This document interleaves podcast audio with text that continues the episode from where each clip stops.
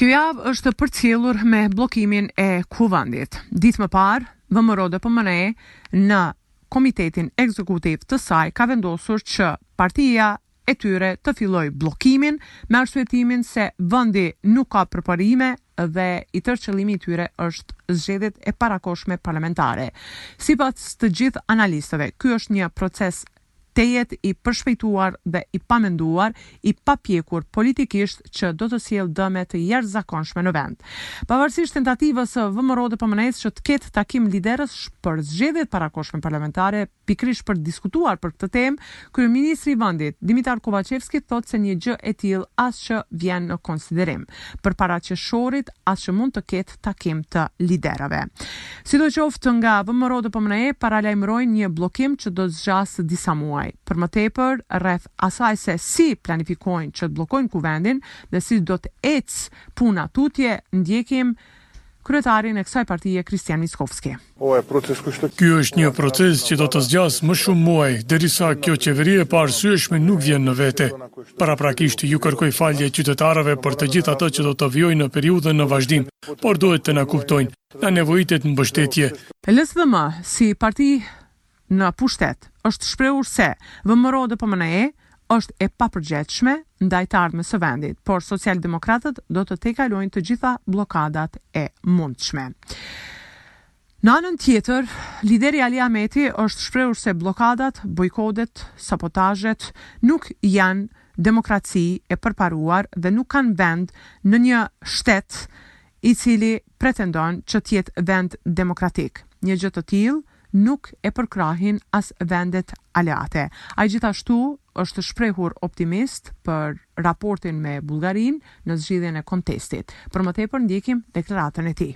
Ky paralajmërim i VMRO-DPMNE-së për bojkot, bllokadë të parlamentit nuk i bën mirë shëndetit të partisë VMRO-DPMNE-së sepse nuk mbështetet nga asnjë vend demokratik. Në anën tjetër vazhdojnë problemet e shumta në arsim. Gjatë javës së ardhshme do të dihet nëse do të ketë marrëveshje përfundimtare. Qeveria ka vendosur që në shkollat e mesme të përfundojë viti shkollor më dhjetë qershor dhe të mos ketë zëvendësim të dy javëve të humbura. Në shkollat fillore ende nuk dihet se a do të zgjasë pas dhjetë qershorit mësimi, kurse për çerdhe paralajmërohet që për muajin e kaluar nuk do të ketë paga të plota. Reaktivizimi i grevës në arsim do të varet nga rezultatet e marrëveshjes paqësore, ka thënë kreu i sindikatës Nedelkov.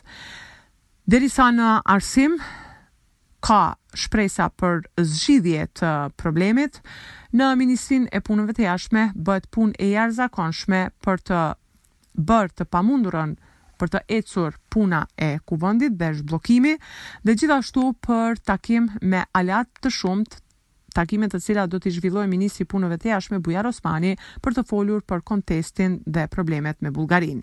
Ministri Bujar Osmani do të marrë pjesë në takimin joformal të ministrave të jashtëm të NATO-s që do të mbahet në Berlin.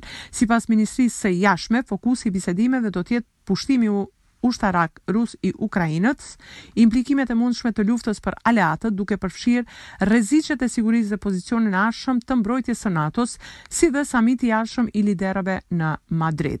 Në takim janë të ftuar ministrat e jashtëm të Finlandës dhe Suedisë, të cilët do të informojnë për zhvillimet e fundit, përfitimet dhe implikimet në lidhje me anëtarësimin e mundshëm të ardhshëm të këtyre dy vendeve në Aleancë. Në margjinat e takimit, Bujar Osmani pritet të ketë takime bilaterale me ministrat e jashtëm të Ukrainës dhe Malit të Zi, por edhe me shumë homologë të tjerë. Pra është një nga vizitat e rëndësishme për vendin tonë.